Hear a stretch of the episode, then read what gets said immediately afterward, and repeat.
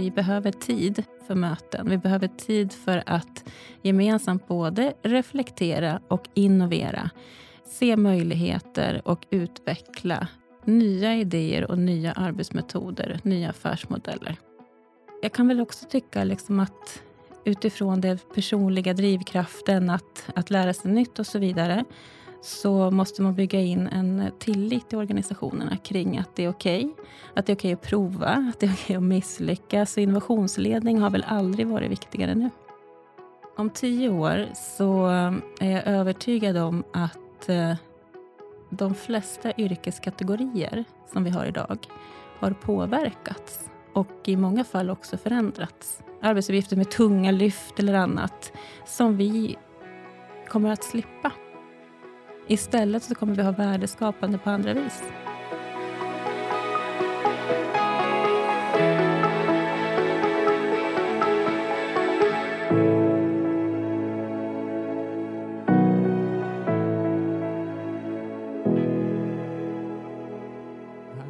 provprata lite nu. Jag vill testa lite nivåer. Ja? Um, men du, eh, vem är du och vad gör du? Ja, jag är Katarina Berglund. Jag gör förändringsledning kan man väl säga. Ehm, jag arbetar som ansvarig för ett kluster som heter Automation Region. Vi är idag drygt 130 partners. Eh, jättekul, jag tittade tror jag igår kanske vi 136. Det ökar hela tiden. Är det är partnerföretag då? Eller? Det är partnerföretag inom industrin. Så att Automation Region vi leder driver utvecklingsarbete för automation, digitalisering kopplat till industrin. Men vi finns i mellanrummet så att vi kopplar samman akademi, institut, företag. Och eh, vi pratade om det här med innovation innan här. Och eh, att vi skapar mötesplatser just för att det ska hända. Så det kan man säga. Det är och, det jag gör. Hur kan det se ut rent konkret? Rent konkret så kan det se ut som det gjorde i onsdags förra veckan. Då hade vi någonting som vi kallar för Automation Summit. Då tar vi och samlar ledare inom industrin.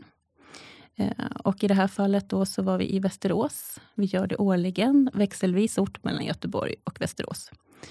Eh, och vi diskuterar, vi har gjort en behovsinventering inom industrin då, och tittar lite grann på vilka transformativa trender är det som, som påverkar just nu. Och eh, vi diskuterar dem, bjuder in både storbolagen men även mindre företag kring vad är det då vi behöver göra idag för att möta behovet. Både idag men också framförallt imorgon. Då. Superintressant, det är mycket dialog. Det är framförallt att gå ifrån vad till hur.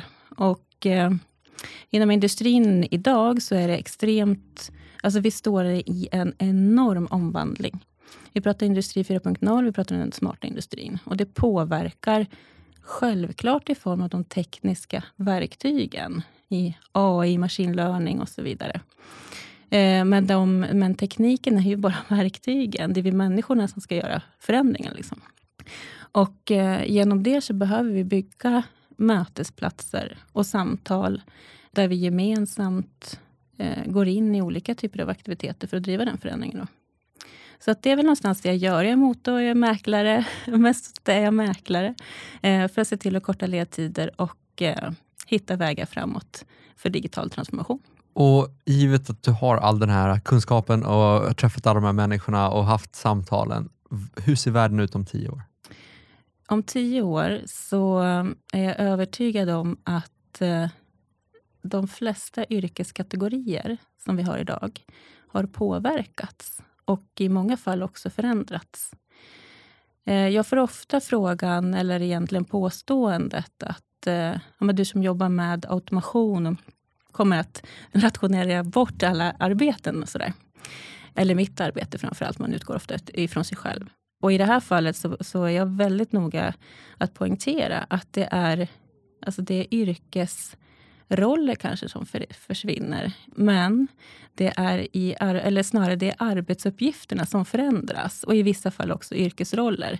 Men det tillkommer annat. Eh, och där ser jag att om tio år så kommer vi ha en del arbetsuppgifter, repetitiva, andra typer av kanske arbetsuppgifter med tunga lyft eller annat som vi kommer att slippa Istället så kommer vi ha värdeskapande på andra vis.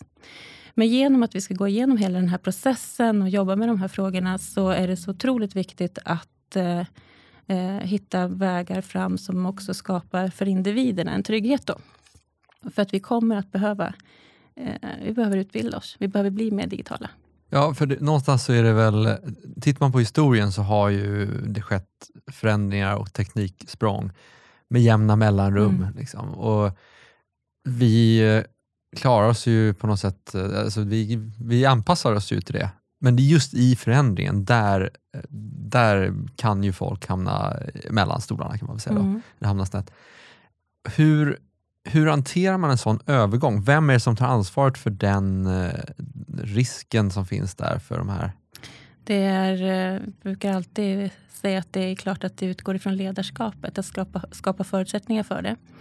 Eh, men jag inser, och eh, i de samtalen vi har, så vikten av medarbetarskapet i detta. Att hela tiden tänka att man ska vara kontinuerligt anställningsbar. Och det är ett personligt ansvarstagande i det yrkesverksamma livet som vi, som vi har.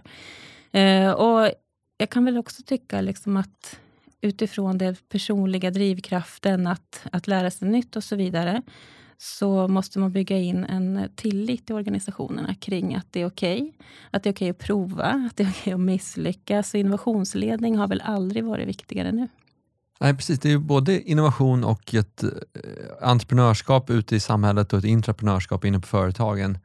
Hur jobbar den tunga industrin, den industrin som du är van att träffa, hur jobbar man där med det? Man arbetar på väldigt många olika sätt och jag tänker också att man har en ganska hög förståelse idag kring det livslånga lärandet. Att eh, vi behöver utveckla kunskapsinhämtning som inte bara är de långa traditionella utbildningarna som kan ligga ibland upp mot fem år. Utan att hitta möjligheter för medarbetare att utvecklas dagligen. Och att det också är någonting som är implementerat i eh, den yrkesroll man har. Det kan handla om allt ifrån att man, eh, du tipsade om en eh, bok här innan, att man läser litteratur som, som bidrar till att eh, sända Youtube-klipp till att gå utbildningar, kanske kortare utbildningar inom akademin. En sju och en halva som är anpassad för yrkesverksamma till exempel. Så att det är en, eh, en idag större samordning också mellan akademi och bolagen och särskilt storbolagen då. För att hitta lösningar så att det är lättare till att komma och ja, nå akademiska utbildningar till exempel. Vad, vad, tänker du själv om ditt jobb här till exempel, säger vi då, skulle automatiseras? Det kräver kanske lite mer då än, än en del andra jobb. Hur adresserar man den oron som folk kan känna över att just mitt jobb kommer liksom försvinna? Och, mm. hur, hur, hur, tänker du kring det? Ja, alltså om vi tittar till alltså historiskt så är det ju väldigt många yrken som har förändrats. Och, och då kan vi vila hi, i historien, eh, där vi tittar på de olika revolutionerna som vi har gått igenom. Eh, industriella revolutioner. Men det jag ser här också, det är ju att, eh, att hitta en diskussion där man bygger, återigen, att, att på tilliten. Eh, men vad är det för värdeskapande du gör idag som inte är kopplat just till den uppgiften du gör? Och det finns hur mycket som helst. Där ser vi att vi har haft till exempel vi anordnar många seminarier och frukostmöten och andra typer av aktiviteter för att mötas kring frågorna. Och eh, eh till exempel administratörsrobotar är ju någonting som spänner över väldigt många branscher och yrkeskategorier, inte bara inom industrin. Eh, och då kan man också se att många av de arbetsuppgifterna som man har som kan bli hjälpta lösta genom administratörsrobotar skapar ju extremt mycket värde för att kunna göra någonting annat. Man, man hör ju mycket idag om hur världen håller på att gå under på diverse olika sätt. Liksom och, så. Eh, och Tittar man på den faktiska datan så är det ju inte riktigt så, utan vi har det ju faktiskt väldigt bra. Alltså vi, vi dör inte i samma utsträckning som uh, nyfödda och vi har inte de här, det finns många sjukdomar som har försvunnit och, och det finns även, även de, de, som är rätt fattiga kan ha tillgång till teknologi idag som, som, inte, som kanske NASA hade tillgång till för, för liksom på 60-talet eh, i form av våra handhållna datorer och så, eller mobiltelefoner. Och det är ju någonting som händer. Vi får det ju på något sätt bättre och bättre och bättre och det är ju för att vi gör mer och mer eh, sofistikerat arbete och vi behöver inte göra allting för hand. Jag vet när man är programmerare så är det här ganska självklart och tydligt att se att man har sitt eh, enklaste språk i botten och sen så bygger man mer och mer avancerade funktioner ovanpå. Eh, och då får man mer och mer gjort när man programmerar de här högnivåspråken än när man ska göra allting i maskinkod. Liksom. Mm. Nu vet jag inte hur många programmerare som lyssnar på det här, men de som, gör, de som är programmerare förstår precis vad jag menar. Eh, det är väl lite det som är samma sak som vi gör med den här utvecklingen också. Om vi automatiserar vissa mm. roller och då kan vi flytta upp, göra mer, vi mm. människor då som krävs för de mer sofistikerade rollerna, vi kan göra mer sofistikerade arbeten som blir mer meningsfulla för oss och, mm. och som får oss att må bättre. Det är ju liksom det optimistiska scenariot mm. att se på det här som, mm. eh, som automatisering ger. Ja, och sen så tänker jag också så som privatperson. Jag menar, jag har röststyrning hemma och det är många med mig som har det som jobbar inom industrin såklart också. Men när man kommer från att man är ganska early adopter som privatperson och så kommer man till jobbet och där är plötsligt ett motstånd kring att eh, vi ska digitalisera eh, och, och, automatisera. Och, och, jag förstår, jag har full respekt för det. Men inom när vi tänker att i hemmet eh, och robotdammsugaren, det är väl jätteskönt att någon utför en arbetsuppgift som, så att jag slipper. Och det är väl lite där jag skulle vilja att man börjar tänka även kopplat till sin yrkesroll. Och framförallt att hitta möjligheter. Genom, alltså tekniken finns där och det är också en frustration hos mig. då vi hade en automationspaviljong på en jättestor industrimässa i Hannover här för, i våras. Och så går man runt där och det är 27 mässhallar, det är gigantiskt stort. Och där man ser att hela, alltså all teknik finns. Varför har vi inte kommit längre? Eh, och där finns det ju såklart en rad olika mekanismer kring det. Men återigen så är jag tillbaka till att det utgår från oss själva då. I ansvarstagandet som individ. För att vi behöver, och det är inte så att jag förespråkar automatisering för sakens skull. Utan det handlar om att om vi ska stå kvar och hålla svensk eh, industri och vara starkt konkurrenskraftiga så krävs det att vi automatiserar. Och, och i det här laget så så känns det som att eh, vi i Sverige då, som har en historik av att vara ett land med otroligt hög innovationskraft, så är jag övertygad om att vi också kommer klara den omställningen. Men jag är lite förvånad över att det inte går snabbare. Ja, eller är man förvånad eller är man eh, frustrerad? Ja. jag kan ju erkänna att jag är ganska frustrerad. Men jag förstår perspektiven eh, och jag förstår eh, ett why bakom det. Men eh, återigen så Eh, och det är ju det här, jag eh, älskar utmaningar. Så att eh, det är ju min utmaning då att bygga in tillit och tröst till både tekniken, men framför allt till de möjligheterna man har som människa inom, i sin yrkesroll att kunna påverka. Eh, och sen så är också, tycker jag, eh, viktigt att lyfta att man inte ska eh, automatisera bara för att, utan verkligen se över vilka värdeskapande processer som det bidrar till. Då. Eh, så att, eh, nej, men det, det är viktigt, men återigen, det är vi människor som eh, står för förändringen och inte tekniken. Och Vad tror du om, om liksom hur får det oss att må? Alltså man ser någonting i samhället att vi, vi har mer och mer teknik som hjälper oss mer och mer. Av någon anledning så verkar vi ändå bli eh, mer och mer frustrerade över kanske framför allt att våra kognitiva förmågor är hårdare ansträngda idag än för 50 år sedan. Är det här någonting som automatisering kommer hjälpa oss med att bli bättre på eller är det här någonting som kommer göra det ännu svårare för oss, tror du, framåt? Nästan en filosofisk fråga. Och jag skulle nog, om jag får tänka i det positiva scenariet, så ser jag att eh, om vi talar om värdeskapande processer i vikten av att människor möts och utvecklar idéer tillsammans, så hoppas jag och tror att automatisering hjälper till att frigöra tid för mer eh, interaktion mellan människor och värdes, gemensamt värdeskapande. Vilket jag är alldeles övertygad om är en väldigt viktig nyckel för välmående. Och för innovation. Och framförallt för innovation. Ja. vet vi ju. Ja, nej, men självklart. Forskning. Absolut. Och det är väl lite det du sa om, om robotgräsklipparen. Liksom, hemma förstår man ju att så här, okay, men roboten klipper gräsmattan, jag kan hänga med barnen. Och Mm. familjen. Mm. Eh, på, på motsvarande sätt att om vi inte, automat, eller inte manuellt gör alla uppgifter så kan vi ägna tid åt att eh, lyfta blicken och innovera och göra saker tillsammans. Det där perspektivet verkar inte alla politiker riktigt ha tagit. Där är det mer så här, "Hå, nu ska jag automatisera, då måste vi ha medborgarlön så att folk eh, inte svälter ihjäl. Alltså man, man, man tror på något sätt att när vi inte gör det där längre själva, då gör vi ingenting. Mm. Eh, Och det perspektivet eh, vet jag att jag är frustrerad över att folk tar. Jag skulle kunna kanske föreställa mig att du delar den frustrationen. Ja, det stämmer. Och, eh, och där man ser också att Återigen, vi, vi kan bara titta på, på historien, hur, hur vi har hanterat förändringar eh, tidigare. Eh, men det vi också ska ha med oss, som jag tycker är viktigt, det är att vi lyfter in perspektiven kring, återigen med mångfald och, och att vi har en, en bredd av människor som, som bidrar till andra typer. Men då måste man skapa förutsättningar för det. Och där tror jag att mogna organisationer är beredda att ta det ansvaret. Eh, och där är vi inne på det här med utbildning igen. Då. För det är klart att det är så att eh, när vi då går igenom hela den här transformationen, vi måste öka på utbildningar och kompetenser, så kommer ju människor vara mycket, mycket mer rörliga och flyttbara mellan organisationer. Så att det är inte så att, säga att man som, som företagsledare lägger in ganska mycket effort och resurs kring att utveckla sina medarbetare. Det är klart att de blir anställningsbara i andra. Så man måste lyfta perspektivet och, och se rörligheten på arbetsmarknaden.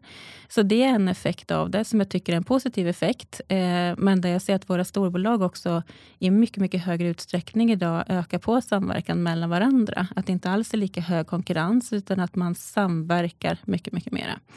Eh, och det som du menar på, just det här kopplat till att ja, men om vi inte gör det här gör vi ingenting och då måste vi se till att samhället, då är det ett fåtal starka stora bolag som kommer leda, driva och framförallt ha makten att påverka, kanske till och med högre makt än, än politiskt styrda organisationer. Eh, men i, återigen så vikten av att förstå att vi inte, det är inte jobb som kommer försvinna.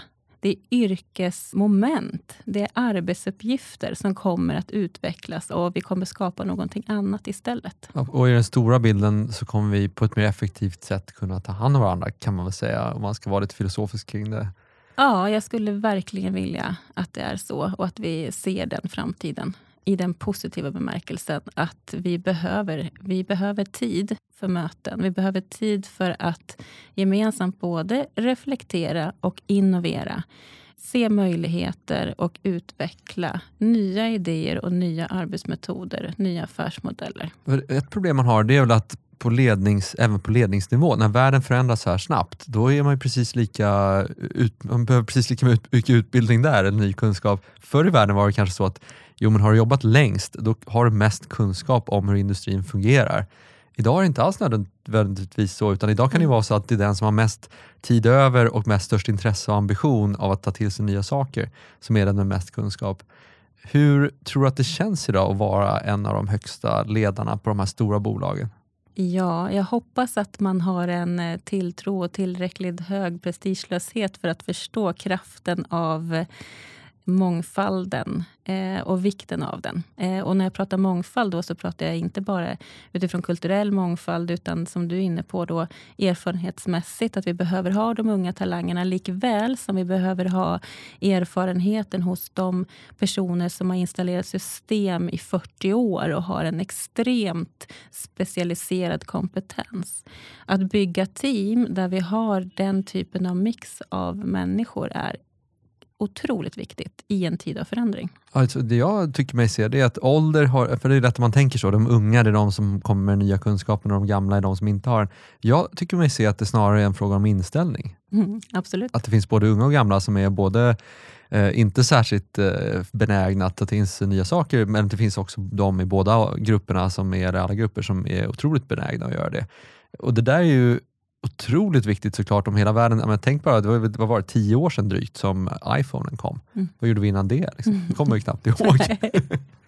Nej, och, och flera sådana exempel kommer ju komma. Det Ja, vet vi ju. ja såklart. Och, och, och, och robotisering och, eh, och menar, det var någon som, man har ju ofta om hur AI ska ta över världen och sådär. Jag, jag, jag inte, men om inte Spotify vet vilken låt de ska välja till Mm. mig, för att, Mm. för att mina barn har lyssnat på Spotify och nu skickar Spotify på mig en massa barnlåtar, ja, men då behöver vi kanske inte vara så oroliga för att de ska ta över Nej. världen de närmsta fem åren. Nej. Eh, Men, eh, Eh, men det, vi är väldigt tidigt i den här utvecklingen, det är det som är min poäng. Vi är väldigt tidigt i utvecklingen. Och jag kan säga att vi släppte faktiskt en rapport här för lite sen. Därför att en av de största, nu när vi var ute och gjorde den behovsinventeringen som vi hade här och, och träffade en rad olika företag, så inser vi ju att det finns en begreppsförvirring som ställer till det rätt rejält till exempel du tog upp AI då, eh, att förstå vad AI är eh, och eh, lite grann också vad, eh, vad man ska kunna använda det till så småningom. Och, vad, eh, och AI är bara ett exempel på en gigantisk begreppsförvirring. Och ska vi jobba då med... För jag vet att vi behöver göra saker, det vet du också. Men då måste vi först konstatera lite grann vilka, vad är det vi kan göra idag. Så är det. Och då har vi en rad olika tekniker och verktyg, men alla är inte mogna än. Men då måste man förstå vad betyder det här på kort och vad betyder det på lång sikt. Vilka branscher, var, i vilka delar av industrin idag ligger vi längst fram skulle du säga? Ja, vi har en stark basindustri i Sverige och där är vi ledande. Vi har också en industri som jag tycker är ganska häftig genom att vi har, en, en vi har stora företag, om man tänker de stora liksom, corporate, eh, men som också samarbetar väldigt väl med hela värdekedjan av eh, systemintegratörer, underleverantörer och så vidare. Ihop med ett ekosystem av innovationsaktörer, akademiinstitut. Så att vi har i Sverige en industri som bygger på, som är en stark del av det, om vi nu pratar innovation, av eh, ekosystemet innovation. Men sen så jag menar, vi kan ju dra många exempel på starka bolag och de eh, är ju jättehäftiga. Men också bolag som faktiskt har gjort rejäla förändringar. Titta bara på Ericsson. Liksom. Eh, så att, eh, nej, vi har starka bolag, men jag tror att den USPen, om vi nu ska säga någonting. Jag hade en tysk delegation här bara i förra veckan som var på besök och, och vi talade samverkan mellan Tyskland och Sverige. Men det hela den tyska marknaden tittar avundsjukt på, det är ju den innovationskapacitet vi har i den här tiden av digital förändring som vi står inför. Och, eh, och det tror jag att vi måste våga lyfta lite mer. Vi är ganska lite lagom svenskar sådär och inte riktigt förstår kapaciteten och kraften i det. Så att ja, vi har starka bolag. Vi har en stark startupkultur. Eh, vi har eh, bolag som ligger däremellan eh, som vi är rätt duktiga på att koppla samman. Är du optimistisk ja, framtiden? Det är min naturliga läggning, att se möjligheter istället för hinder. Eh, konstigt vore annars om jag jobbar med det jag gör. Eh, å andra sidan så är jag inte... Jag, jag har en, en hög grad av förståelse för utmaningar. Det är ju är bra att ha det om man är optimistisk. Mm. Som är lite för säkerhets skull. Vad gör du själv om tio år? Eh, jag hoppas att jag jobbar med liknande det jag gör idag. Jag har världens roligaste jobb. Eh, och framförallt så hoppas jag att vi... Eh, mitt jobb är ju, eh, är ju inte en förvaltande verksamhet direkt. Så att jag kommer befinna mig, kanske inte i samma organisation, men med liknande arbetsuppgifter. fast i en annan grad av arbetsuppgifter. Jag hoppas vi kommer längre. Liksom. Men jobbar man med innovation, då vill jag ju vara främst. Och eh, klipper du din egen gräsmatta? Nej. du, um, är det någonting som du skulle vilja ta upp speciellt som du tycker att vi har missat? Nej, jag skulle nog bara vilja förtydliga vikten av det är inte tekniken som kommer göra den här förändringen utan det är vi människor. Jag tror att det kanske är ett rätt bra ställe att tacka för vårt samtal. Tack så mycket. Jättekul att du kom. Tack för att jag fick komma.